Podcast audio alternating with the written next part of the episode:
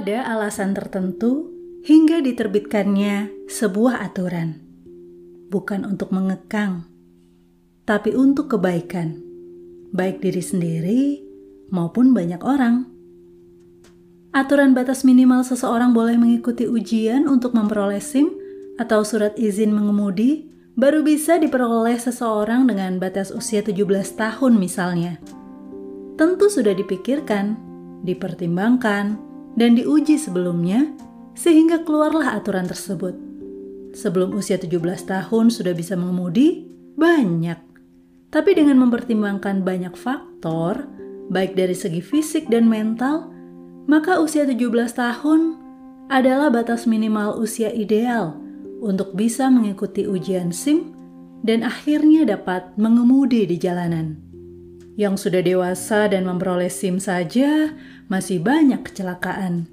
Terlebih lagi yang masih di bawah umur.